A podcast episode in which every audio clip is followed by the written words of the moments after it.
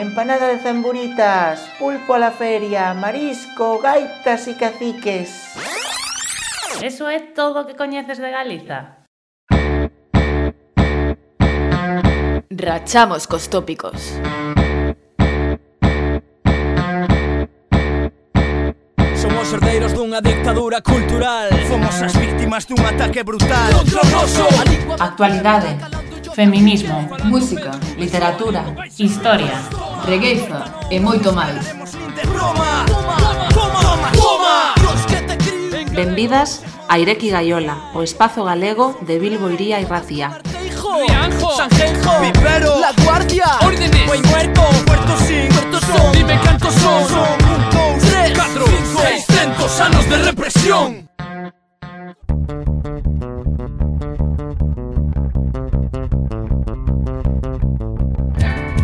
Benvidas a un novo programa de Ideque Gaiola Hoxe, Senén, Brais e máis eu, Xosé Retransmitimos dende o 96.0 de FM en Bilbo, Iría e Ratia Benvida tamén se nos estás a escoitar dende o streaming da súa web no podcast de arquivo ou na plataforma iVox. Carai berri bat, hasi da. Ireki gaiola irrati saioan. Sasoi honetan informazioa eta diversioa zutabeak izango dira. Euskal Herrian dagoen garizako enbaixada honetan. Eta besterik gabe, sumarioan sartuko gara.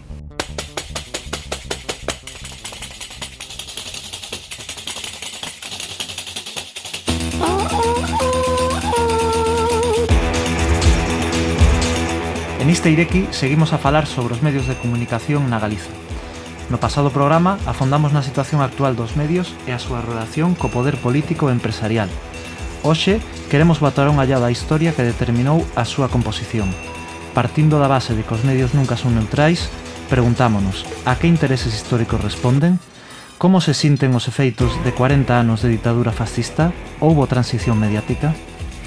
Quen ten os medios de produción e de espallar a información, isto é, a tinta, as imprentas, os camións e centros de distribución, os puntos de venda, os ordenadores, as cámaras, as gravadoras, os servidores da internet, as oficinas, os platós, as delegacións territoriais, mas tamén as fontes de información, as relacións co poder económico, co poder político, con outros axentes mediáticos. Quen pode cear, xantar e ateirse de ferias cos outros poderes. Quen o ten? Que técnicas de aditronamento? Que manexo da xenda? Que problematización da realidade emprega para determinar o comportamento e o pensamento dun povo? De todo isto e da experiencia dunha televisión de vanguarda fora do discurso maioritario máis en galego, imos falar cos nosos convidados.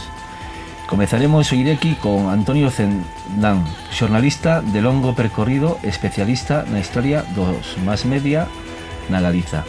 De seguido te, teremos a visión dende, dende Galiza de Iris Rodríguez eh, nos refachos de Nordés. Despois do, desa aportación de Iris, eh, a seguir teremos a Elena Domínguez, investigadora do campo da comunicación que nos falará dunha das súas investigacións académicas que no 2020 se precipitou xa como libro. A construción mediática do conflicto o caso de resistencia galega. E para rematar, contaremos con Rosabel Candal, que nos falará da experiencia de 10 anos de Nos Televisión, a única canle audiovisual privada da Galiza feita en Galicia sede benvidas pois a un novo programa de Ireki Gallola.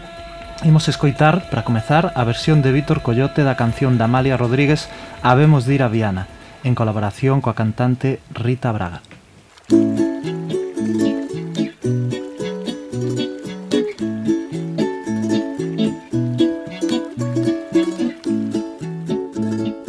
Entre sombras misteriosas, enrompendo longe estrelas trocaremos nossa rosa para depois esquecê-las. Se o meu sangue não me engana, como engana a fantasia, havemos de ir a Viana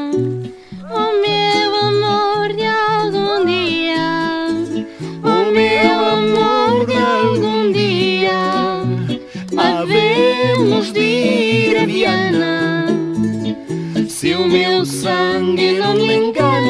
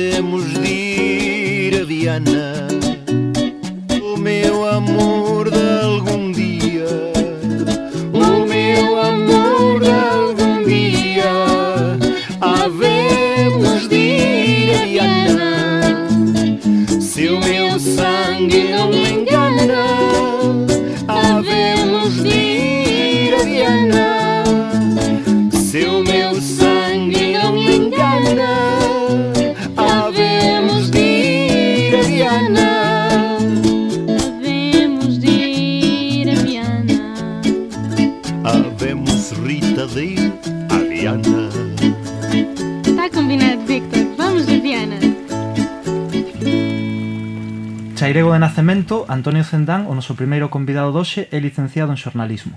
Doutorado en Ciencias da Información, no 1996 defende a súa tese en col do tratamento do entramado comunicativo na Galiza durante a ditadura franquista, que sairá do prelo como libro no 2003 baixo título Xornalismo e medios de comunicación en Galicia durante o franquismo.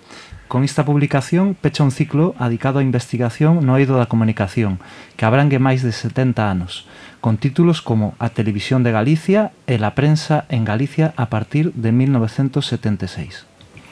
A máis do oído da investigación, Antonio Zendán ten traballado e colaborado como xornalista nun feixe de medios de comunicación impresos e audiovisuais tais como a Televisión de Galicia, El Progreso, A Nosa Terra ou a Xencia F.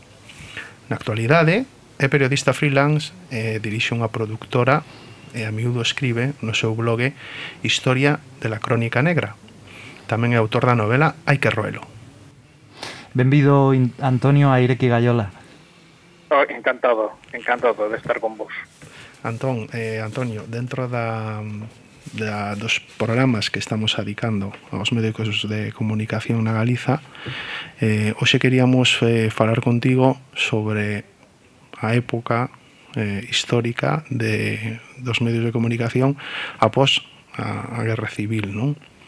Sí. Eh, e para intentar eh, centrar un pouco o debate queríamos empezar, pois bueno, se nos podes explicar eh, cal era a estrutura da, da propiedade dos medios de comunicación durante a ditadura franquista? Bueno, durante a ditadura franquista a estrutura da propiedade non cambiou moito en relación en relación a como era antes da guerra, non?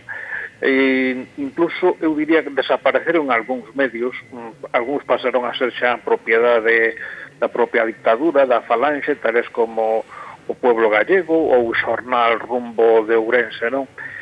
A prensa tamén desapareceu un xornal na provincia de Lugo, la provincia que era próximo republicanos e outros en Pontevedra como La Zarpa e El País que eran que eran xornais da tendencia republicana desa, e desapareceron. Non hubo como comprimiuse un pouco o espectro informativo. Quedaron aqueles, aqueles xornais e aqueles medios que eran propiedade familiar, non? como por exemplo era o caso de o Progreso en Lugo, que era propiedade da familia eh, de Cora, a voz de Galicia, que é propiedade da familia Fernández La Torre e Fernández de España, ou Faro de Vigo, que era antes era propiedade da familia Lema, non? Eh, bueno, pues, quero decir que a estructura dos medios o, o réxime non cambiou, o sea, ideologizou os medios, pero eh, digamos que non cambiaron os propietarios, únicamente cambiou el pueblo gallego que foi foi o único xornal que hubo en Galicia que foi directamente do, do movimento, non? Aquí a prensa foi sempre, non lle quedaba outra, eh, de ser moi felo o propio réxime, o réxime, bueno, exercía eh, unha influencia tenaz e voraz cos medios, non se podían mover prácticamente, Eh, despois da Guerra Civil desapareceron prácticamente todos os xornais locais e pequenas publicacións que, que existían non naquele entón. Iso para min é un dos aspectos máis destacados eh, desa época. Uh -huh. Podemos entón así para concretizar que aqueles xornais eh, que non estaban eh, mantidos por familias afíns ao réximen desapareceron e pasan a formar parte de organismos como pode ser a Falanxe ou, ou estructuras do Estado franquista. Sí, efectivamente, bueno, é que eh, xornais da falanxe só hubo un que era el pueblo gallego, que el pueblo gallego fora antiguamente propiedad de, eh, da familia deste político galego que fora un dos eh, dos últimos presidentes antes da, da República, que era Portela, mm, bueno, fora un, o último presidente do o penúltimo presidente do goberno durante a República, uh -huh. que fora Portela Valladares, sí. non? Portela Valladares era propietario del pueblo, pueblo gallego, gallego, foi foi incautado el pueblo gallego foi en foi logo apropiado pola Falange e foi o único medio oficialmente da Falange en Galicia durante durante o réxime franquista, non? Ou incluso, como che dicía, desapareceron outros, como era o caso de Rumbo, que era era falangista, pero o seu personal in, incorporouse todo o xornal La Región, non? Pero, Tamén, pero sí claro, que sí que, sí que había unha, un control e censura por parte do, do, do Estado e do, e, do, e do franquismo de todos os medios. Sí, sí, o control era moi ferro, era un control brutal, o sea, xa non podía salir pouco menos, non podía salir media noticia, non podía salir nin medio párrafo que non estuvese controlado polos censores, non? Eh, os xornais, pois nesta época incluso ofrecen moita información internacional, pero moi pouca información Eh, de Galicia e incluso local, non? Digamos que de algún xeito eh, ah, vai vai encamiña, vai encamiñada eh, por ese por ese sitio, por ese lugar, non? Un pouco máis que nada eh, os, o que a, o principal o, o principal motivo que, que esgrime o réxime, o réxime que de algún modo de algún de alguna maneira adoutrinar, non? Adoutrinar a poboación a través da prensa, que era un medio fantástico, non? Entonces, pois naquele entón a radio pois aínda era un medio moi pequeno e apenas existían emisoras en Galicia e aproveitase moito da prensa. Claro, os propietarios dos grandes xornais teñen que obedecer porque non lles queda outra, a menos que eh, que, bueno, que poidan sufrir que poidan sufrir as represalias do propio réxime, xa ben sexa pois eh, eh, de algún xeito incautándolle esas publicacións ou directamente pechandas, non? Que era algo que, que que facían, que fixeron con bastante frecuencia, polo que che decía, as pequenas publicacións de carácter local ou non poder controlalas a todas, pois o que fixeron foi pechalas. Antonio, eh, comentas que eh, das grandes cabeceiras da prensa galega da época están controladas por familias que a Arestora tamén controlan eses mismos medios, non que siguen dos, os que siguen vixentes. Non sei se si, si, si hai algunha investigación ou datos de, de como estas familias eh, acumularon acumularon capital, acumularon tanto eh, tanta forza. Bueno, vamos a ver, as familias pois é un pouco, digamos que un pouco ocasional todo, non? porque por exemplo un xornal que coñezo bastante ben é o Progreso de Lugo, non? Progreso de Lugo foi fundado en 1908 por Purificación de Cora Vas, Más Villafuerte.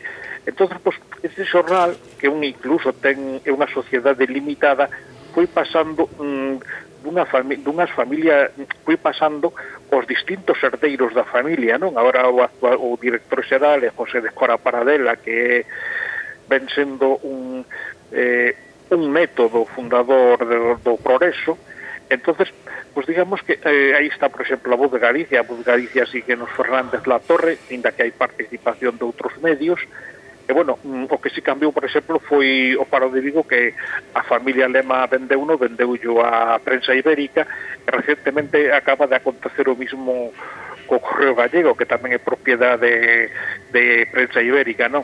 Digamos que un pouco máis que nada ocasional, que as familias adaptanse, polo que decía antes, non lles queda outra, porque eh, non poden pers non poden persistir nin perseverar nas bellas actitudes, eh, claro, pois, da, de algún xeito, os seus xornais eran os medios de subsistencia que tiña, non? É dicir, bueno, pois, que facemos? Pois temos que adaptarnos ás novas, ás novas circunstancias e temos que permitir que os nosos medios sirvan de adoutrina, adoutrinamento, de adoutrinamento eh, por parte do réxime franquista porque, bueno, pues a represión é tan feroz, tan dura, que tan é tan brutal que non, ves que non lles quedaba outra, porque, bueno, tiñan aí os censores, tiñan eh, un réxime, tiñan demasiado poder, entonces non se eh, deixaba moi pouco marxen a liberdade, por non decir que ningún, entonces, pues bueno, pues, eh, eso foi, digamos, desde o meu punto de vista, un tanto ocasional, eh, ainda que poda haber tamén outras circunstancias, non?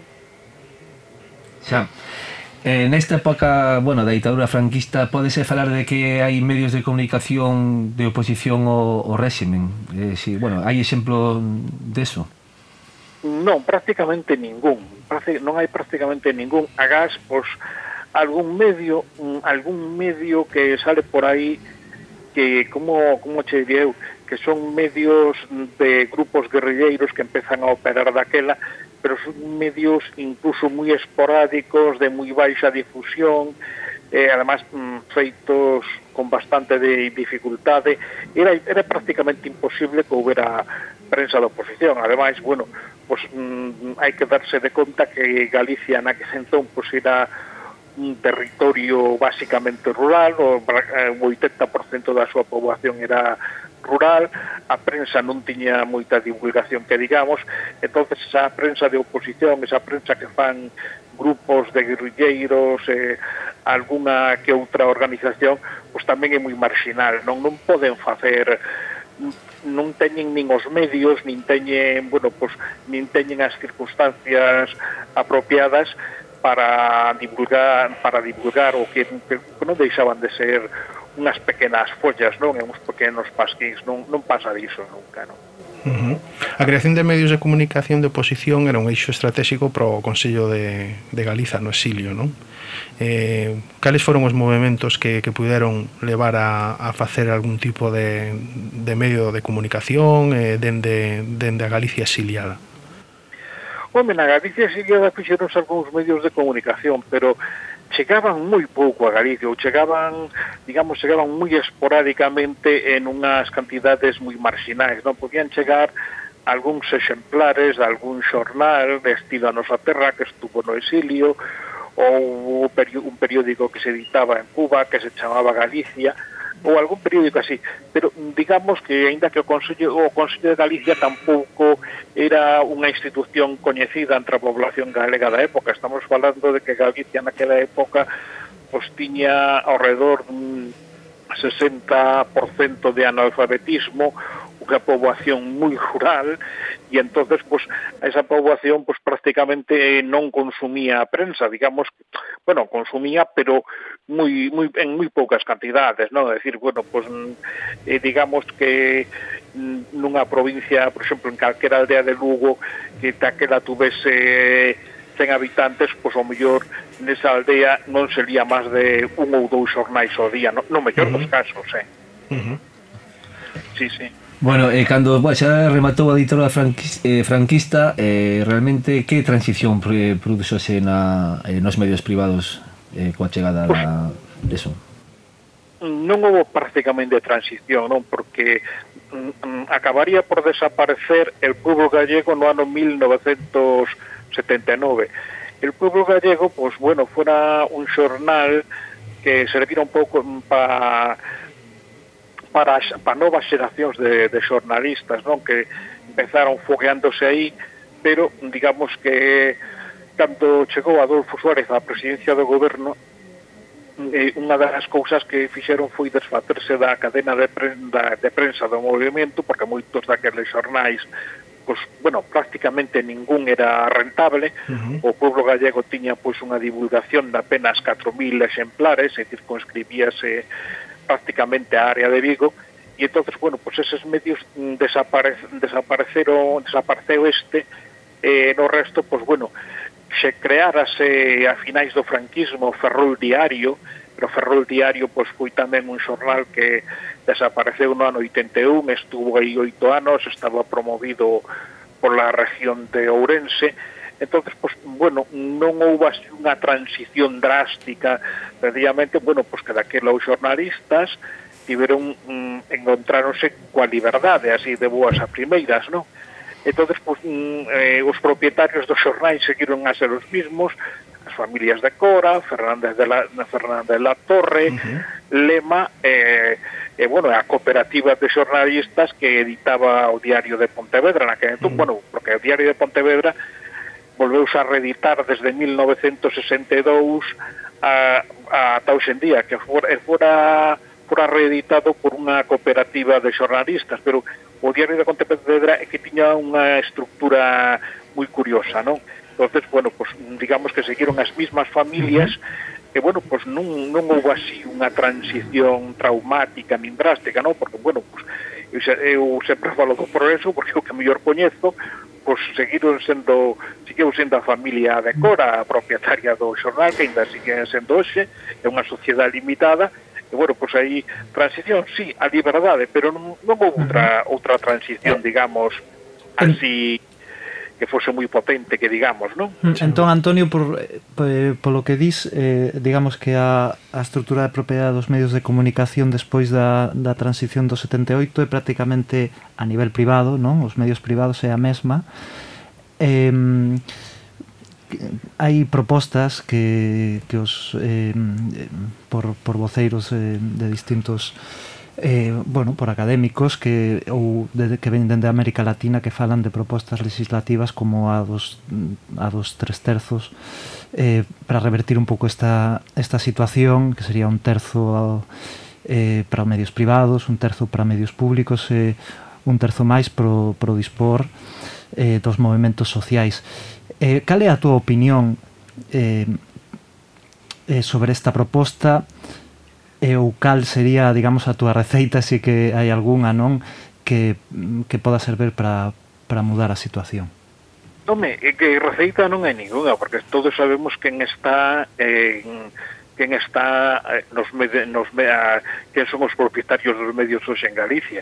Pois en Galicia, na actualidade, estamos falando dos medios escritos, pois eh, está la voz de Galicia, que digamos un pouco insignia de Galicia en canto aos xornais, en, porque, en canto á divulgación, porque bueno, a divulgación é bastante grande, estaba considerado como quinto xornal a nivel do Estado, pero mm, é moi difícil, eh, porque hubo bastantes intentos de acaparar novos espacios no mundo do xornalismo e todos deron, deron ao traste, todos fracasaron. Eu recordo que en 1988 saiu o Diario de Galicia e apenas estivo un ano, non? Estivo, estivo un ano no panorama xornalístico, logo mercou no Diario Diario 16 de Galicia, e bueno, pois cando xa antes de desaparecer Diario 16, pois desapareceu esa cabeceira en concreto, non?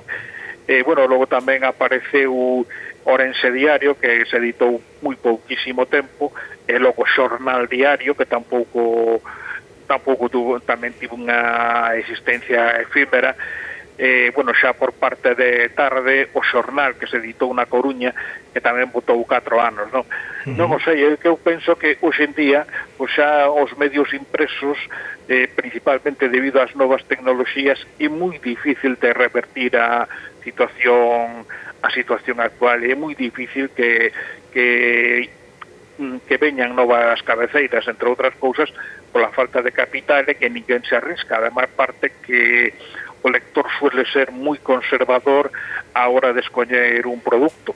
Incluso uh -huh. nos medios galegos pois está entrando capital de fora, porque recientemente eh, Prensa Ibérica adquiriu a cabeceira del Correo Gallego. Antes tiña Faro de Vigo, e a mercar a familia Lema nos anos 80, e agora pois eh, fixo, agora adquiriu tamén a, a antiga editorial Compostela que estaba en bancarrota entonces bueno, pues aí temos un exemplo de que Prensa Ibérica, Prensa Ibérica ten tres xornais en Galicia, que son a Opinión da Coruña, Correo Gallego eh, Faro de Vigo. Digamos que iso é o máis destacado mm, do, do actual panorama xornalístico galego, polo que che digo que a situación é moi difícil de revertir, por non decir que é prácticamente imposible, non? Manuel, temos que ir rematando, eh, bueno, darte darte as, as grazas por, por nos atender neste, neste programa en Ireki Gallola que, que facemos as galegas e galegos que estamos agora morando na, en Euskal Herria, en Bilbao.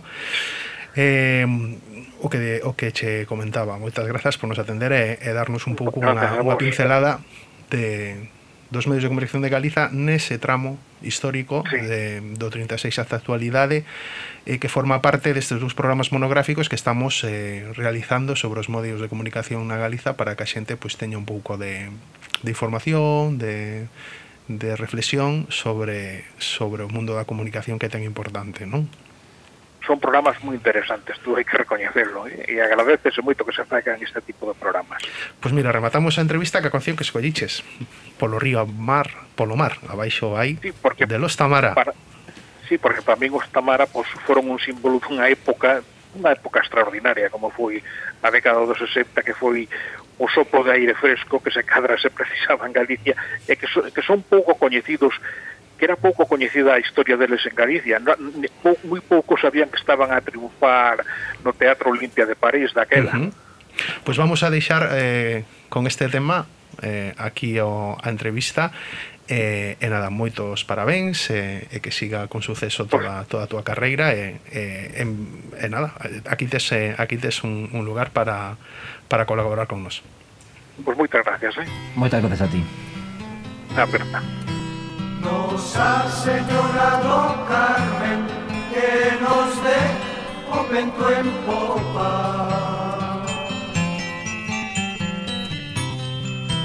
Nos ha señalado Carmen que nos dé convento en popa.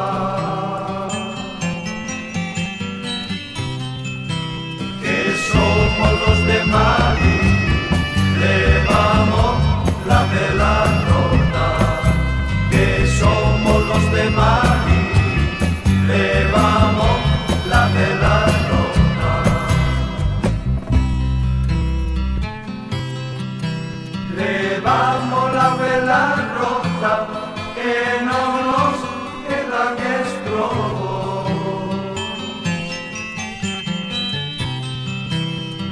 Vamos la verdad rota, que no nos queda nuestro voz. Porque de tanto reto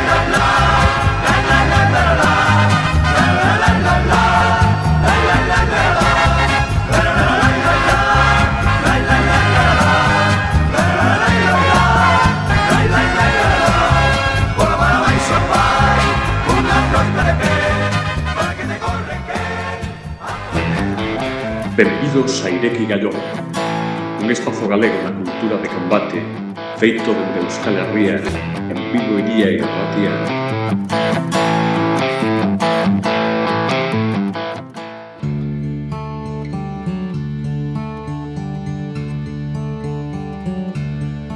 Voltan os refachos de Nordés e Ireki Gallola. Aquí vos traio de novo un chisco de información e actualidade dende o país. falamos de loita tamén, máis dunha longa e cansa na que máis de 70 colectivos de Galicia están a deixar as súas forzas e a pôr a súa voz. Falamos dunha loita que xa estivo presente en edicións pasadas de Ireki Gaiola. Falamos dunha fronte por un modelo de desenvolvemento das enerxías renovables sostível e que non deprede o territorio das galegas e galegos. O comezo do ano viu marcado pola tramitación e aprobación por parte da Xunta de Galicia de máis de 300 novos polígonos que duplicarán a potencia actual que se xenera na comunidade. En pouco máis de dous meses, o goberno de Alfonso Rueda aprobou tantos proxectos eólicos como nos seis anos anteriores. 26 novos parques eólicos aprobados en só 23 días. Seguimos con cifras. Galicia produce o 14% da electricidade eólica do Estado español, con máis de 4.000 megavatios en potencia. Agora, un total de 77 parques que en seis meses van a ter permisos de construcción, que implican máis de 570 aeroxeneradores novos nos vindeiros dous anos, todos aprobados dunha maneira caótica e interesada. A reivindicación das asociacións de veciños e veciñas, das comunidades de montes e dos colectivos ecoloxistas pasan por defender un modelo de enerxía renovable que sexa sustentable e respectuosa co territorio, que non escolme os nosos recursos e que sirva para a articulación da vida no territorio. Non é sostible un modelo colonial depredador do territorio e deseñado a medida das grandes corporacións enerxéticas e financeiras. Como ben resumen, dende a plataforma ADEGA, é intolerável que se poñan por riba os intereses das promotoras eólicas antes da defensa patrimonial e os intereses dos veciños e veciñas. Un caso concreto e que toca de preto a veciñanza da Coruña e o da área da área Oza Cesuras, no que a Xunta acaba de dar luz verde a un parque con seis aeroxeneradores en zonas de transición da reserva da biosfera e outros 100 aeroxeneradores nos 20 km a redonda do Concello. Un plan que inclúe torres de 127 metros de altura e de 145 metros de diámetro de rotor. Para que entendamos isto en cuestión de dimensións, a Catedral de Santiago mide 75 metros de alto. Estamos falando dun proxecto que obvia o gran impacto ambiental, o desvío acuíferos, o fluxo de aves migratorias e a falta tamén de protección a recursos patrimoniais, como por exemplo a gran cantidade de petroglifos, de grabados rupestres, que recentemente atoparon as veciñas e veciños de Ozacesuras con a axuda dun equipo arqueolóxico do Concello. O povo galego contra a depredación enerxética era o que se podía ler na faixa que encabezaba a manifestación do pasado 22 de xaneiro en Vigo organizada pola agrupación de colectivos Foi polo Vento. Unha mensaxe que tivo moito menos eco do desexado nos medios nacionais e estatais. Unha mensaxe que voltou a aparecer desta vez e non só aquí en refachos do Nordés, senón que eh, apareceu ante un público moito máis amplo e diverso na derradeira edición dos Premios Goya. Ali o director da película As Bestas facía a súa reivindicación eh, a, bueno, facía súa a reivindicación dos veciños de Sabucedo, a vila onde ten lugar a popular festa de, da Rapa das Bestas, para evitar unha nova construcción de dous parques eólicos. En definitiva, como dixo Sorogoyen, en representación de moitas galegas e galegos, enerxía eólica sí, pero así non.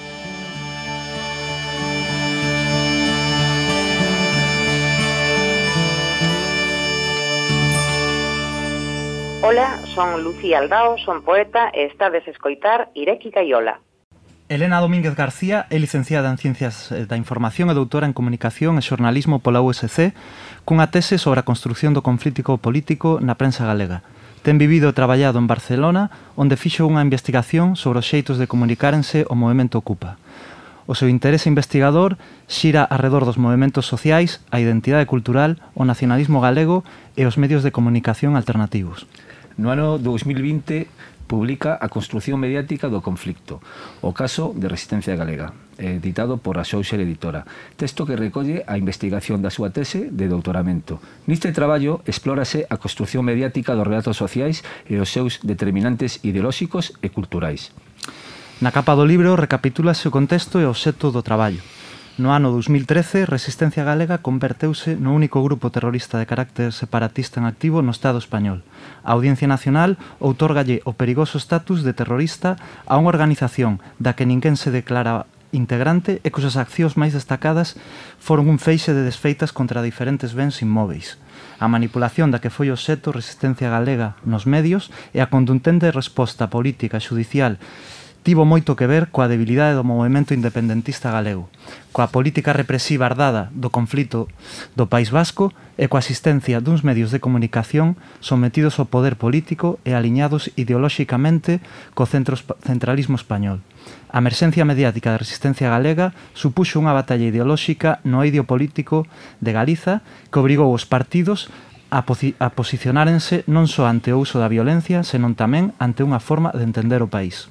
Así pois, a construción mediática do conflicto aborda o tratamento de resistencia galega nos medios de comunicación e axuda a comprender o conflito identitario de Galiza e máis tamén o impacto que exerceu a prensa na confirmación dun imaginario terrorista que ameazaba con crevar o clixé de povo amansado e desmobilizado recreando perpetuamente polos xornais. E para falarnos do seu traballo, dos mecanismos de construcción de relato dos medios de comunicación, contamos coa autora do libro, Elena Domínguez. Moi boas tardes, Elena. Arrachaldeón.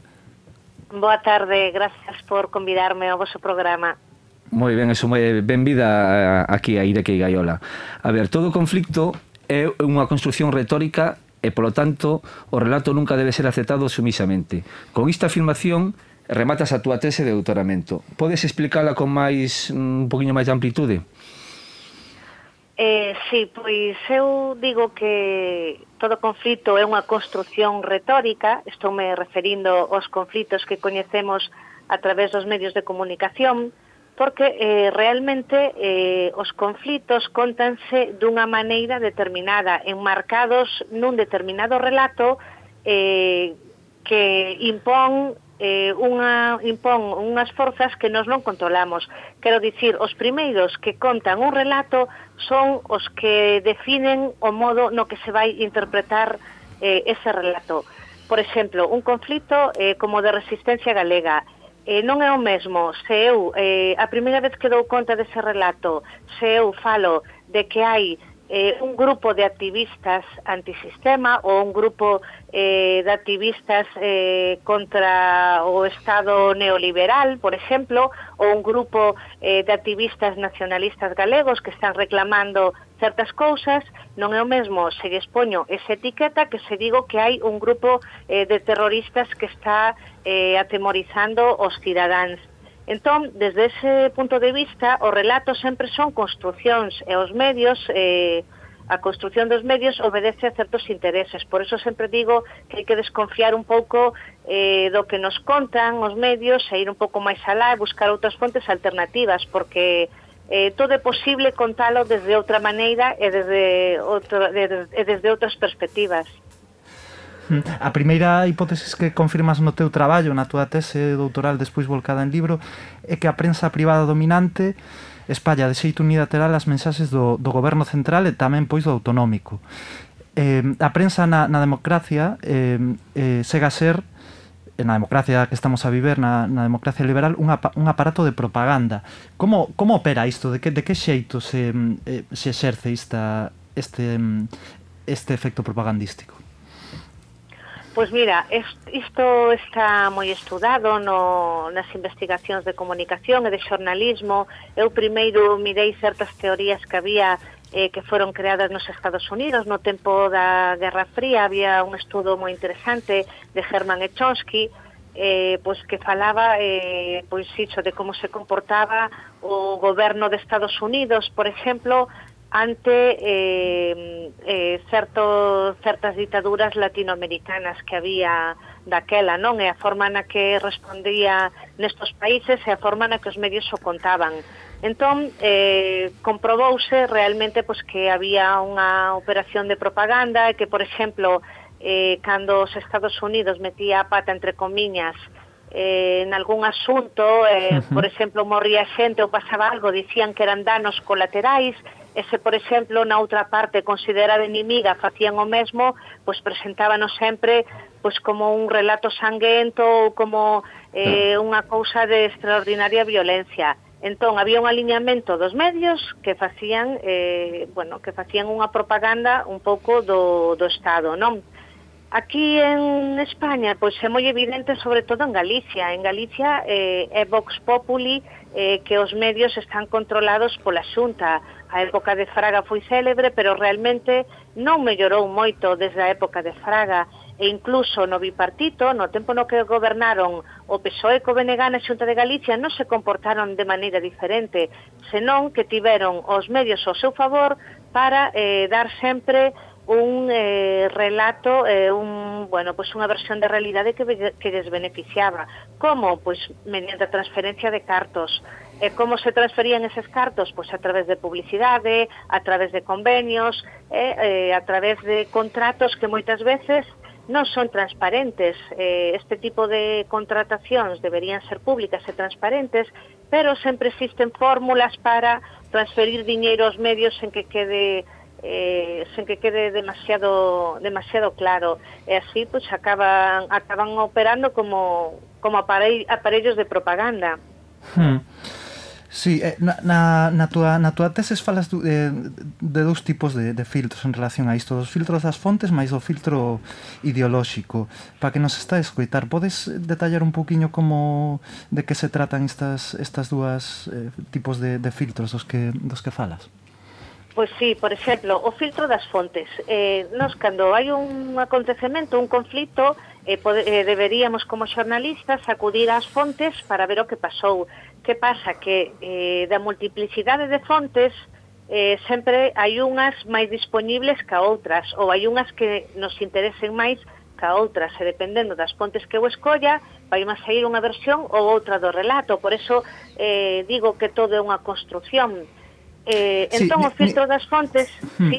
No, quería dizer, nise caso eh, eh foron fontes unidireccionais, pois, non? Igual chegadas de, de, de por parte da policía ou por parte do, do goberno Claro, no, no caso das fontes quen vai a privilexiar eh, os medios a quen privilexan? Pois privilexan as fontes, por exemplo, do Estado por esa relación que dicíamos, as fontes oficiais se a un, se un xornal lle chega unha nota de prensa do Ministerio do Interior vai a publicar esa nota de prensa tal cal. Se non lle colle eh, no espazo que ten no xornal, eh, recorta por un lado, recorta por outro, se non lle gusta unha palabra, cambia por un sinónimo, pero en ningún momento se cuestiona eh, uh -huh. ese relato, porque é como se si tivera unha pátina de verosimilitude porque vendo o Ministerio do Interior. E isto está dentro do que é a de antoloxía periodística xornalística? Pois eh, a verdade é que non que hai que facer? Pois, contrastar as fontes. Eu teño do Ministerio do Interior, pero podo averiguar eh, o movimento político, a organización política da que se fala, ten algún voceiro, ou podo averiguar esa outra versión, podo facer algún tipo de comprobación, porque ademais, eh, moitas veces estas notas de prensa son eh, con unha, cunha manipulación moi burda e moi exagerada. Podo vos dicir un caso, por exemplo, cando eh, no de resistencia galega detiveran a unha parella de activistas de Ferrol que eran, eran parella, tiñan un meniño, esta xento final quedou en liberdade sen cargos, eh, sen ningún tipo de acusación. Pero no momento de detelos de, eh, difundiron a nota de prensa, que ademais difundiron a través da páxina web era pública Ubina, eh, falando da detención, eles participaban nun, nun centro social da comarca de Ferrolterra, eh, tiñan, pois, as participaban nas actividades típicas dese centro social. Uh -huh. Detivéronos acusados de financiar o terrorismo, xa vos digo que quedou sen nada, e acompañado da súa nota de prensa facilitáronlle á prensa unhas fotografías de tarteiras eh, destas olas eh, caseiras, destos explosivos caseiros que facían con olas que eran de outra operación, mm. pero para ilustrar a información desa detención proporcionaban unhas fotos de explosivos que non tiñan relación con esta xente e que foron publicadas, por exemplo, eh, en ABC publicáranse. Entón, aquí temos eh, este filtro das fontes que privilexa as fontes oficiais, as fontes do goberno, as fontes da policía. Outro filtro ideolóxico, eh, pois cando Chomsky e Herman falaban do seu modelo, dicían que o filtro ideolóxico daquela era o anticomunismo ou o comunismo. Estaba eh, moi polarizada a realidade política, entón eh, o peor que podías facer é que te acusasen en Estados Unidos de, de comunista. Era, vamos, eh, era poñerche xa baixo sospeita de antipatriota e eh, incluso de terrorista, non? Pois aquí, lóxicamente, pois nos tempos de hoxe eh, hai, o filtro ideolóxico non era anticomunista ou comunista, senón terrorista ou eh, pacifista frente a terrorista ou defensor da violencia dos que condenan a violencia frente a terrorista. Quero dicir, ou estás con nós, dicía o Partido Popular, por exemplo, ou és terrorista. Non había punto medio. Había ese filtro no que o condenabas a violencia nos termos que eu che digo que condenes ou senón ti é sospeitoso de ser terrorista. Non sei se... Mm. Non sei se me hmm. sí, eu creo que se entende perfectamente como, como... como pasa aquí en Euskal Herria, tal cual, ainda hoxe en día. Exacto.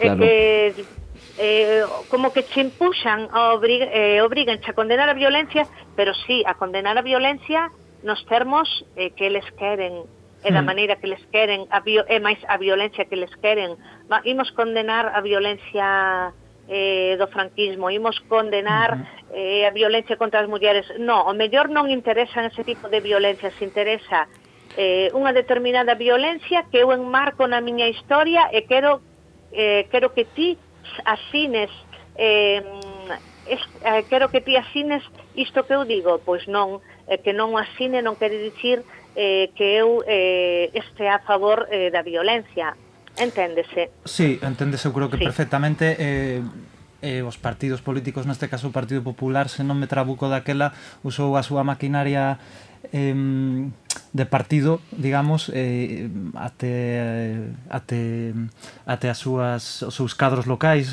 non sei se, sí, se estou sí. trabucado, que fixeron unha, sí, unha serie de, unha, de declaracións de condea de censura, eh, exacto, sí, sí, nos eh, plenos, eh, nos, eh, nos plenos do Concellos que é un xeito de que de revalorizar, bueno, non sei se de revalorizar, pero como sí, de darlle peso, non? A, de darlle bombo ao bombo, conflito, vamos a levar o conflito onde non o hai, nos uh -huh. concellos que están debatendo as cousas que lle importan aos seus veciños, anos meteron estos debates artificiais, uh -huh. obrigaron eh, as corporacións locais a abrir este debate, a prensa fixose eco, uh -huh. pero, a ver, ao final non tivo recorrido, pero é moitísimos, a verdade que non recordo non recordo a cifra, pero mellor nunha vintena de concellos eh, conseguiron colocar este tema. Uh -huh. eh, tratábase de, de, de agrandar, non de magnificar un problema que non que, que non era tal. Que si que non existía. Sí, realmente. o sorprendente de, do, do, do caso de resistencia galega, se si me permites Elena, que con tan pouco se pudo facer tanto, tanto. non? O que eu tanto creo que ruido, non? tanto ruido, que eu creo que o revela como a, a a forza do discurso que teñen e as conexións que es, que xa están preestablecidas entre creo que o dis no traballo, entre a violencia, a ideoloxía independentista, a autoxestión ou a lingua. No caso de Resistencia sí. Galega serviu tamén para atacar estes, estes eh, movimentos. Eh, totalmente, de feito, por exemplo, eh, registros e detencións que houbo foron sobre centros sociais, eh, tamén incluso houbo medios de comunicación, o Novas da Galiza que tamén sufriu eh, un peche temporal, igual que pasara no País Vasco, por certo, Sí, eh, totalmente. Que, exacto, pois nós con uns medios que eran eh, de moi pequeno alcance, que en realidade eran casi medios de barrio, que non eran para nada eh, coñecidos eh, a nivel xeral, pois eh, foron obxeto así dunhas operacións espectaculares, sabes, como eh, pero todo como moi desproporcionado, un medio pequeniño que se xestiona aí eh, con catro activistas que ten un alcance entre un grupo moi reducido, de repente foi obxeto pois dunha superoperación policial que foi eh, portada dos xornais. Entón, isto foi, eh, por exemplo, unha das consecuencias que os centros sociais eh, puxéronse eh, en dúbida, que tamén eh, foron obxeto desta eh, violencia institucional pero que ademais eh, as ideas do independentismo tamén foron condenadas. En realidad en Galicia sempre foron ridiculizadas. Aquí eh, o movimento independentista ou se alguén ten eh, ideas independentistas non é tratado con respeto eh, co respeto que, que, se, eh, que se lle debe a calquera opción política ou a calquera forma de pensar non son ridiculizados, tratados eh, mesmo como frikis. Cando non son tratados como terroristas, son tratados como frikis, en plan, bueno, pois pues este falta de unha fervedura ou é unha inmadurez, cousa que non ocorre, por exemplo, cando alguén é de extrema dereita. Non, mm. os partidos de extrema dereita intégranse no, de extrema dereita ou máis alá no sistema institucional eh, con toda a normalidade. Entón, aproveitouse resistencia galega, que existía resistencia galega, para deter a xente que participaba no movimento independentista e que non tiña vinculación con Resistencia Galega para eh, asustalos, tamén para ridiculizar o nacionalismo, xa non só o independentismo, o nacionalismo galego, e ainda foi máis alá porque tamén serviu para eh, ridiculizar eh, a esquerda en xeral. Vamos, que serviu para todo, serviu para todo Resistencia Galega. E como? Pois eh, sinalando eh, como culpables eh, e como sospeitosos eh, asociacións que molestaban, asociacións políticas que molestaban.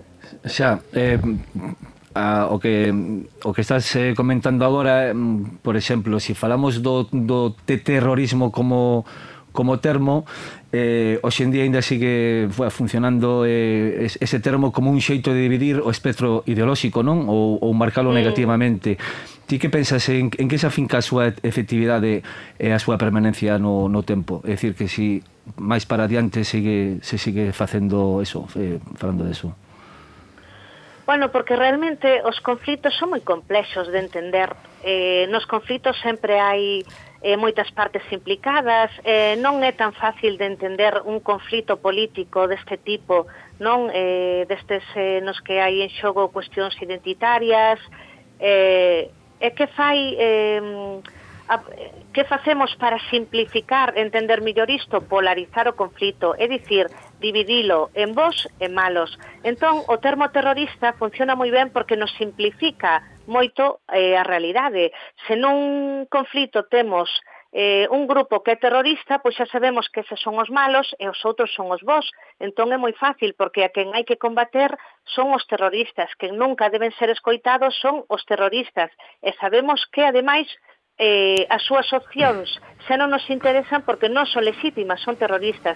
E todo isto funciona moi ben, é como o tema das fake news, como que funciona moi ben, eh, danos unhas claves moi sinxelas que nos permite eh, poñer orde no mundo pois en romper moito a cabeza pero desde logo eh, cada vez que se escoita a palabra terrorista eh, en calquera conflito hai que poñela en dúbida porque normalmente eh, a etiqueta de terrorista obedece eh, case sempre a unha estrategia moi interesada dunha parte determinada.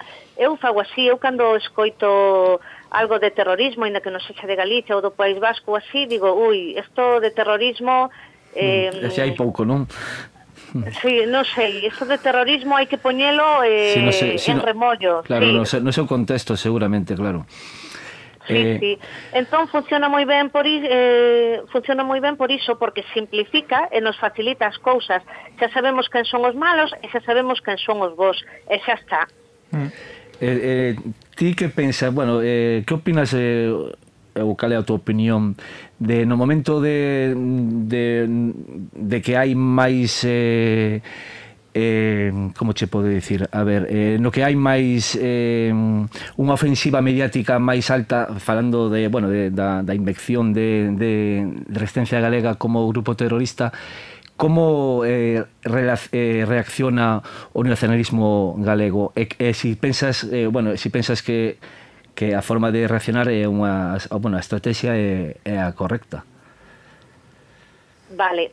Eh, pois a verdade é que no momento álxido no momento álxido de resistencia galega xusto lle colleu eh, dous gobernos, colleulle unha parte eh, eh, do bipartito, dese período que houbo eh, excepcional de goberno do PSOE e do BNG e despois xa lle colleu o goberno do Partido Popular. Eh, como se foi un pouco máis cruno do Partido Popular, desde logo. Pero eh, no propio, na, epo, na propia época do bipartito eh, estaba Anxo Quintana, que era do BNG de vicepresidente da Xunta, e a verdade é que É lo que se intentou, supoño que por unha estrategia política, eh, foi eh, desmar desmarcarse totalmente deste conflito e eh, pois puxo en marcha un discurso para mí moi, moi cuestionable, eh, moi repetido históricamente, que é eh, pois, eh, o pacifismo, o suposto pacifismo do povo galego, que o povo galego é pacífico, e dedicouse a repetir un pouco eh, ese discurso. Despois, cando veu o Partido Popular, eh, xa non estaba o nacionalismo no goberno, pero tamén se estivo bastante no tema de resistencia galega. Eu creo que incluso eh, debeu ser máis crítico e non o foi. O único que foi crítico foi Beiras, que estaba daquela nun partido que se chamaba AGE, Alternativa Galega de Esquerda. Creo que incluso non sei se militaba eh, Yolanda Díaz ali ou era, era Estaba un na coalición por parte de Esquerda Unida. Verdade, sí. sí. Mm. Pois Beiras foi o único que se atreviu a, a cuestionar mm-hmm. ese discurso así de representantes do nacionalista que se atreveu a, a, a cuestionalo de forma pública e deu titulares, bueno, a prensa e que se mm-hmm. cebou con el. Tamén eh, tamén aproveitaron para poñelo a el como como loco. Beiras apoia o terrorismo, Beiras di que mm-hmm. resistencia galega non é para tanto e que hai, eh, creo que hai como un mes de titulares só dis, eh, dando conta do que di Beiras de Resistencia Galega. O que parece un Beiras pouco... Eh, non é, condena... É, é que, sí. per, perdoa que che corte, Elena, que... No, no, corta, que... corta, que eu tendo a enrollarme. que hai unha, ás veces, como unha, unha vacilación entre eh, acougar, digamos, o, os poderes mediáticos, non? eh, neste caso como ti dis remitíndose a un tópico galego de que os galegos son mansos como as vacas eh, ou impugnar o, o, o discurso mediático pro, problematizalo. Para iso claro. eh, hai que contar ca correlacións de forzas mediáticas, porque como ti vin claro. dixeches, a forza do discurso depende da legitimidade e da difusión coa que se pode eh, ca que se pode transmitir ese discurso. Ti como pensas que, que este esta situación que eh, dende aquela non mudou e como se pode que, que, que campo que campo de batalla podemos podemos eh, podemos delimitar para que se xa pois eh, máis efectiva, maneira. sí, sí. Bueno, pois pues, vos está despoñendo, sí, vos xa está despoñendo en práctica, pois eh, que nos quedan os pequenos medios eh, libres, alternativos ou autoxestionados ou de movimentos sociais, pois eh, hai que utilizar as canles que temos. Eh, vos estades eh, facendo práctica desa alternativa, sabe de lo mellor que min, que pasa que claro, vos vedes cal pode ser o vosso alcance e cal é o alcance e os medios sí. eh, que teñen eh, pois, eh, as cabeceiras hexemónicas ou as mm. televisións, mm. a verdade é que a diferencia de recursos é totalmente desproporcionada pero eh, eu creo que algo se fai, eh, hai que non hai que calar, hai que dar outras versións da realidade sempre que sexa posible. Eh, eu creo que hai que contestar, hai que contestar nas plataformas que teñamos a a nosa disposición. Hai que roelo. Ai, sí, sí, hai que roelo, hai que furar aí, picar pedra, non? Picar pedra pouquiño a pouco, eh, eh, algo se fai, eh, Está claro que a maquinaria aquí en Galicia, sobre todo dos medios de comunicación, está moi moi engraxada eh, para apoiar a determinadas forzas. A Televisión de Galicia non funciona como un medio público transparente. Eh, eu creo que que nunca funcionou, iba a dicir rendallanos, pero é que realmente eh, eu só coñezo unha televisión pública controlada pola Xunta, en concreto polo Partido Popular, nos medios de comunicación igual, a Voz de Galicia é o medio líder, é un medio que está totalmente sometido tamén a aos poderes políticos e aos seus intereses.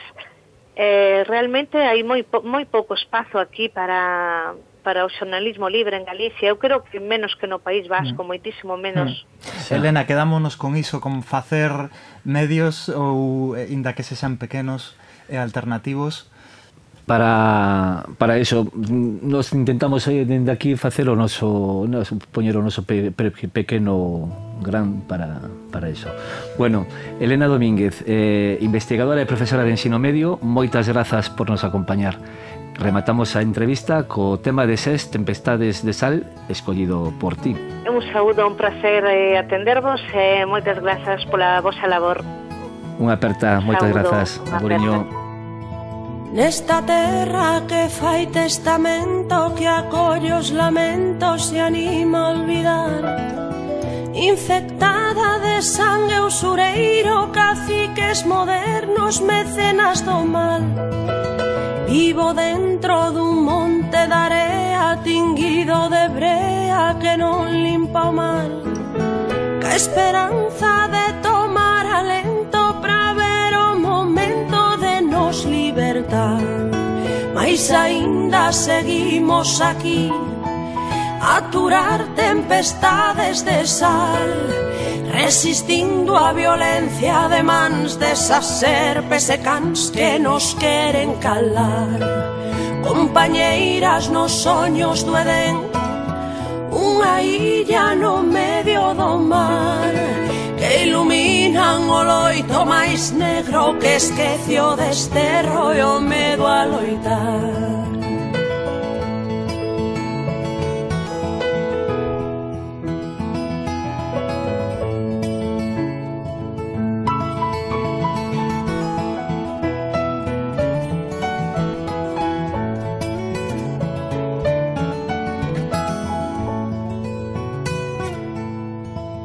Cando as marcas se gravan a ferro e a dor e a xenreira non deixan sorrir. As penurias van alén da fame, falta identidade que axuda a vivir. Só se calma o ruido da raiva que a forza que queima na gorxa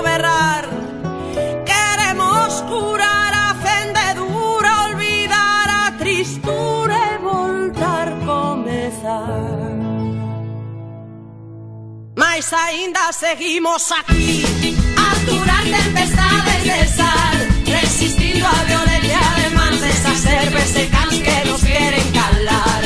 Compañeras, los sueños duelen.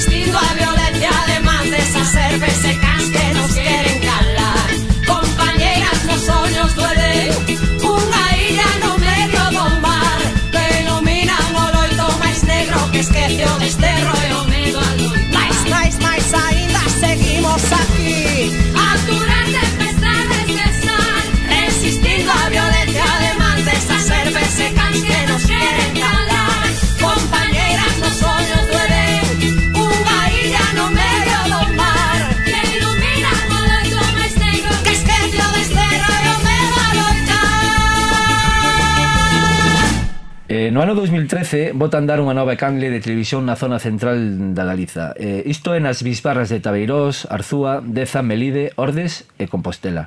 Herdeira dunha pequena tele local de Lalín chamada DezTV, nace ca idea de poder ser sintonizada por todos os galegos nun futuro non moi lonxano. Ese momento chega en marzo de 2019, cando comeza a emitir na, canle, na canle 119 na tele de pago de R. Nos Televisión hoxe en día é a única canle galega que emite as 24 horas contidos relacionados coa cultura e a lingua de Galicia, espazos eh, xunto con espazos de reflexión e pensamento sobre o futuro do país. A promoción do galego é un dos sinais máis identi identificativos de Nos Televisión, colaborando con organismos como a Mesa pola Normalización Lingüística, a Real Academia Galega ou a Asociación Galega da Lingua ademais de traballar con distintas editoriais moi coñecidas do país como Galaxia, Serais ou Calandraca. Hoxe no Ireki Gallola temos a xornalista Rosabel Candal para coñecer un pouco desa formosa iniciativa do audiovisual galega. Benvida ao Ireki Gallola, Rosabel. Hola, moi boas, graciñas. En marzo de 2019 diche de so paso para emitir para toda Galiza podes uh -huh. contarnos como foi o, o proceso de pasar de estar nuns poucos televisores da vida de Lalín a entrar en casi 160.000 fogares eh, de toda Galiza. Mm, pois efectivamente, sí, bueno, eh, había tempo que levábamos eh, pensando e dándolle voltas a como poder ampliar e ser accesibles pois a, a, ao público de, toda Galicia e ao final a oportunidade pois veu a través de, de chegar a un acordo con, con coa compañía R, non? Eh, de forma que, bueno, pois a día de hoxe eso se sigue mantendo e todos os, os, os, os clientes que ten R en, en todo o país galego, pois pois nos poden ver. Para nós, pois bueno, era un paso importante porque deixábamos de ser, entre comiñas, unha tele máis local ou máis comarcal e pasábamos a poder a que se nos poidera ver en, en todo o territorio. E bueno, para nós foi unha, unha boa noticia e, e aí seguimos, seguimos e, e ampliando porque, bueno, agora estamos novamente cumprimos 10 anos este ano e estamos novamente pois pois vendo que posibilidades temos de, de que nos poida ver máis a, a xente, porque ao final, bueno, pois estar ligadas a, Ah, ten os seus beneficios, pero tamén implica que só nos poidan ver a, as súas clientes e, bueno, estamos mirando novas fórmulas de, de entrar no mundo da, da Fast TV e de entrar en plataformas de, de outras operadoras e, e esperamos, pues, bueno, moi pronto poder poder anunciar esa, esa ampliación de, de difusión, que ao final, pois, pues, é o que, bueno, pois pues, para o que traballamos e polo... E, e o que queremos, non? Pois que os nosos contidos pois os vexa a maior parte de, de xente posible. E canta xente está desimplicados no, no proxecto, directa ou indirectamente? Bueno, eh, somos un equipo pequeno porque manter un medio de comunicación en en galego pois non é non é doado e unha televisión pois menos porque o audiovisual pois bueno ten as ten as súas complicacións. Entonces, eh somos un equipo estable de de cinco persoas, está Diego que é a a cabeza líder de, de todo o proxecto, que é o, o administrador da tele, está Ana Viqueira, que se encarga de, de produción e é, e é xornalista tamén, está COI que se encarga un pouco, bueno, pues de toda a continuidade da tele, está um, Martín que, bueno, fai eh, edición de vídeo e tamén se encarga así bastante da grella da tele eh, e eu, Rosabel somos ese, ese equipo de cinco persoas que facemos, bueno, pois o milagro de, de ter unha tele emitan, emitindo as 24 horas en, bueno, en períodos concretos, pois a veces necesitamos botar man de de algunha xente pois para producir contidos, pero digamos que día a día pois somos somos nós, esas cinco persoas. Eh, imaginamos que a financiación, Rosabel, será un dos, dos puntos máis eh, complicados non de, de soster. Sí. Cales son as liñas de financiación que, que tendes? Sí, bueno, no sé, ao final o que intentamos é que, eh, nada, que, que, pues, pues, que, que os sectores, os distintos sectores, está en Galiza, pois entendan que, que esta é a súa tele e que, e que e ser como un nexo de, de unión e de comunicación para todos eles. entonces bueno, pois a financiación intentamos buscala por aí, a través de publicidade e a través de, de patrocinios de, de empresas e de, e de institucións que nos, que nos apoian, pois eso, a través de, de anuncios ou, ou ou, ou patrocinando directamente contidos ou programas, non? Pois temos desde, eu que sei, por poñer un exemplo, o apoio de Dina Hosting patrocinándonos algún problema, como, bueno, como exemplo de empresa, ou, ou as editoriais pois Xerais, Galaxia, Laio Vento, Bahía tamén, eh, pois hasta institucións, concellos, deputación, xunta, bueno, depende do momento, depende do, do proxecto e é unha, unha batalla grande na que hai que estar día a día, sí, pero claro, é a, é a, é a fórmula que nos, que nos atopamos e que nos fai que nos fai ser viables e seguir para adiante, xa digo, con moito esforzo e, e batallando todos os días, pero bueno, ao final conseguimos. A Xunta de Galiza que ten o deber de promocionar e, e, e difundir o, o idioma galego eh, participa de algún xeito eh, na financiación de nos televisión? Bueno, eh, eh, eh, pat, eh, patrocina de vez en cando algún tipo de contido, sí que é certo que para os medios como a nós eh, non entra os medios pequenos como a nós non, non entramos digamos nas liñas grandes de, de axudas a, aos medios a pesar de estar en galego. Isto pasalle bueno, outros medios o ten denunciado públicamente moitos outros, porque o que exixen pois son eh, estar auditado en cotas de audiencia con, bueno, pois a través de estudo xeral de medio ou de outras auditorías que son eh, custosísimas, e nas que os medios pequenos pois non podemos entrar. Entón, bueno, eh, digamos que as grandes publicidades que, que pon a xunta en bueno, pois en, en, en medios de mazas, pois nós non as temos igual que non as ten pois a maior parte dos, dos medios pequenos por esta, por esta razón. Pero bueno, apoios puntuais pequeniños, pois sí que os temos, xa digo, nada, nada moi significante comparado co que, co que invisten en, en outros medios de comunicación. Bueno, eu agora sentome no sofá eh, facendo televisión que é o que me atopo cando eh, poñenos televisión? Cales, cale, igual, explícanos un pouquiño cal é a vosa grella. Hmm. Nada, a nosa grella, pois pues, hai... Eh, facemos basicamente eh, documentais, reportaxes, eh, programas, e, bueno, pois pues, todo centrado en, en cultura e en lingua, non? Sobre todo hai moito contido relacionado coa lusofonía, un dos, dos programas estrela de la televisión, por decirlo de algún xeito pois é o Galego de todo o mundo, que é un programa que, bueno, gravámoslo no plató, nós temos un pequeniño plató, estamos no Milladoiro, no polígono do Milladoiro, Games, e temos un pequeniño plató, eh, e ali gravamos este programa Galego de todo o mundo que presenta eh, Eduardo Maragoto, que é o presidente de, da GAL, da Asociación Galega da Lingua, e profesor de portugués. Bueno, é un programa no que reflexiona sobre o galego portugués e o, e o integracionismo, e e curiosamente pois é eh, un dos programas máis vistos eh, bueno, en R e, e na nosa canle de Youtube porque os nosos contidos para que non os vexan só os clientes de R pois eh, temos a opción tamén de que de, de que son accesibles na nosa canle de Youtube. E bueno, pois hai, hai sempre cantidades de, de comentarios de, bueno, pues da comunidade lusófona de, de Portugal, do Brasil, non só galeiros, non só galegos eh, opinando sobre sobre lingua, non? A verdade é que, bueno, que é un, un, unha realidade que está aí e da que estamos pois moi moi contentas e orgullosas non de ter este programa. Despois tamén eh, temos o programa de Zeta Música, por exemplo, que é pois, o único programa de televisión que hai sobre música galega, que a verdade é que xa é curioso, porque a TVG, por exemplo, pois, que é unha televisión pública, ten un programa sobre sobre música galega, non como tal, entón, bueno, pois, eh, cubrimos ese, ese ojo tamén un pouco, e, bueno, pois, é un programa no que as asanteiras, por festivais, eh, entrevistan a músicas e músicos que... A ver, Rosabel, que te escoitamos ahora un pouquiño un pouquiño con, con eh? atrancos.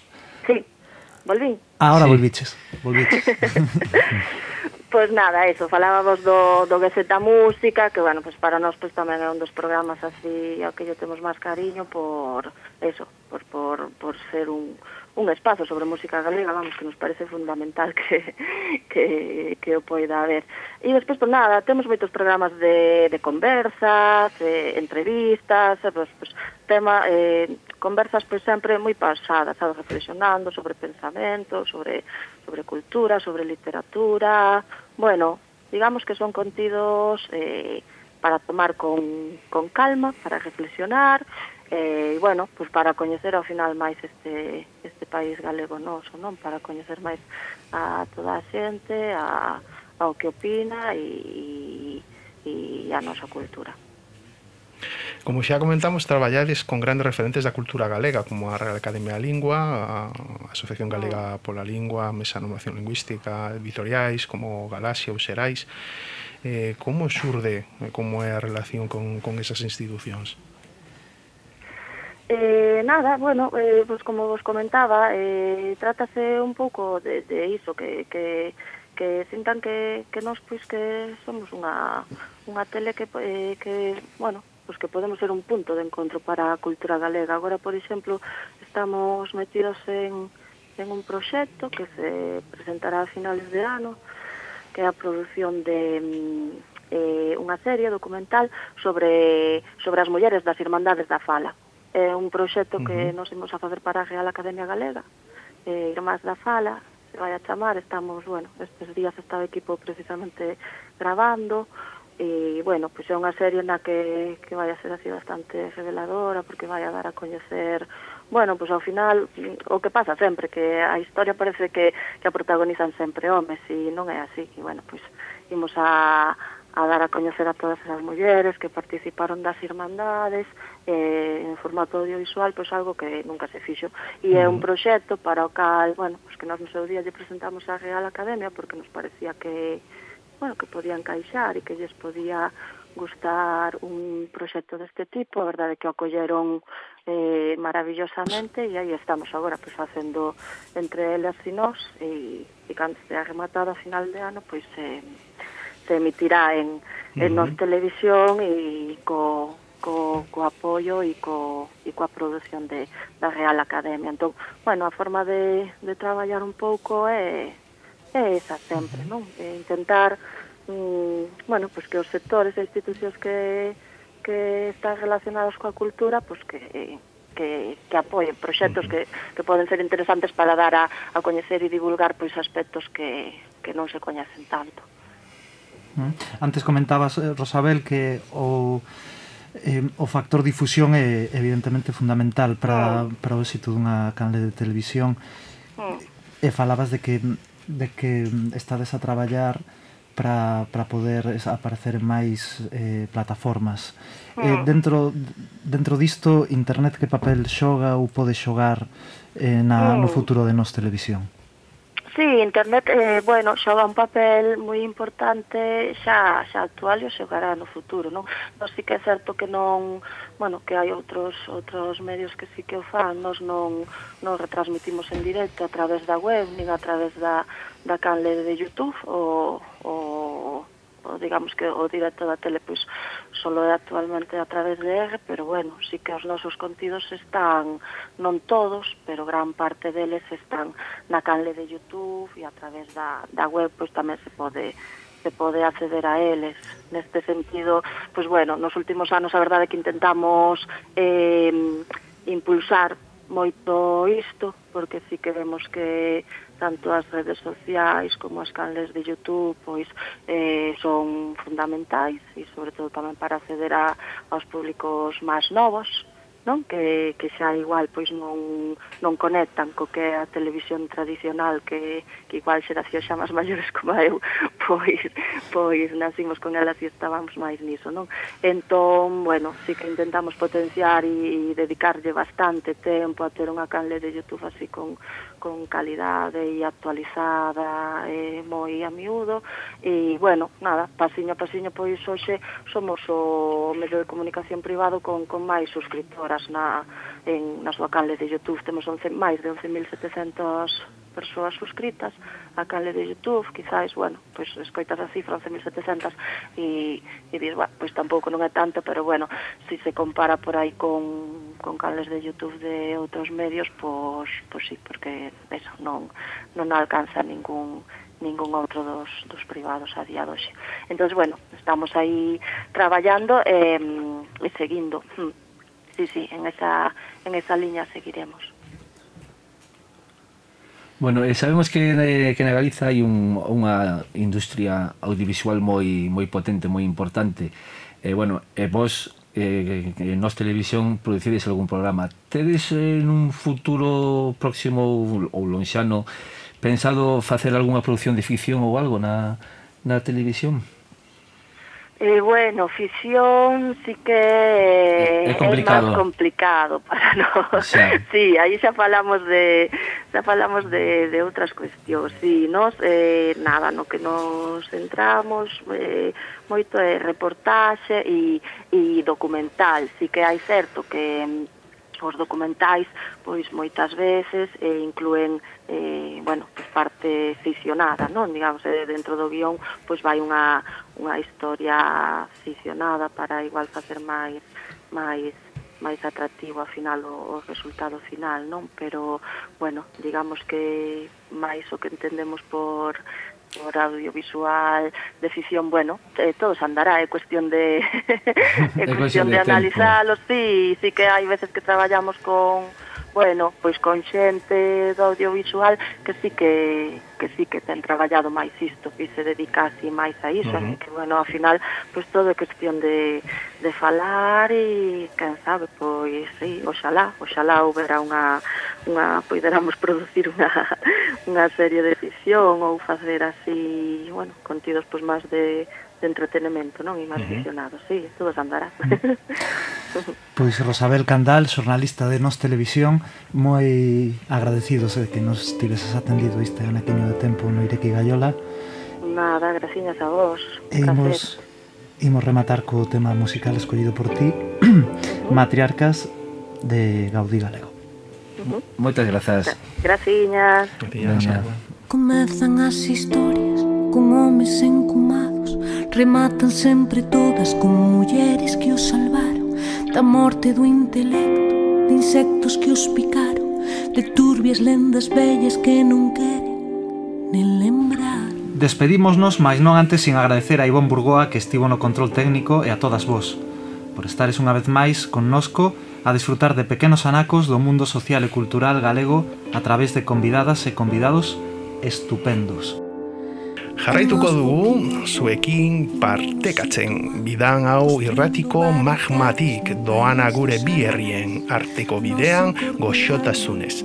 Elkartzen den bitartean. Nos cosa por cosa sen podernos despistar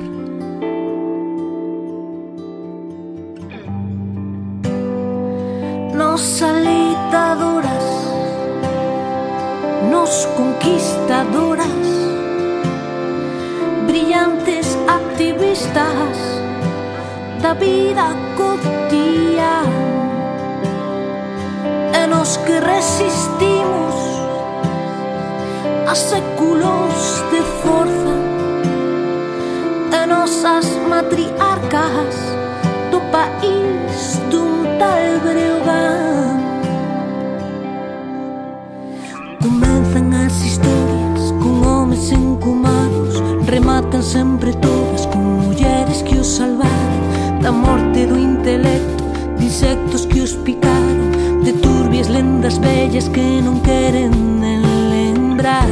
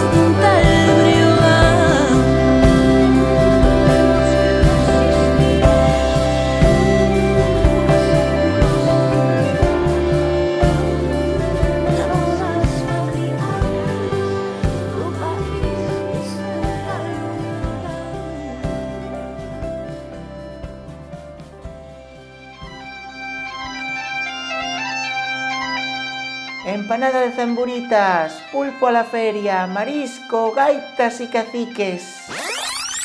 Eso é todo o que coñeces de Galiza. Rachamos cos tópicos.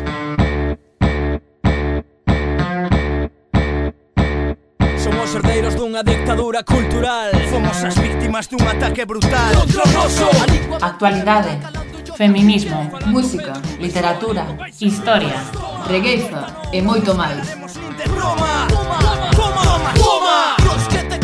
Benvidas a Ireki Gaiola, o espazo galego de Bilbo Iría e Racía. Rianjo, Sanjenjo, Vivero, La Guardia, Órdenes, Buen Muerto, Puerto Sin, Puerto Son, dime cantos son Son un, dous, Tres, catro, cinco, seiscentos anos de represión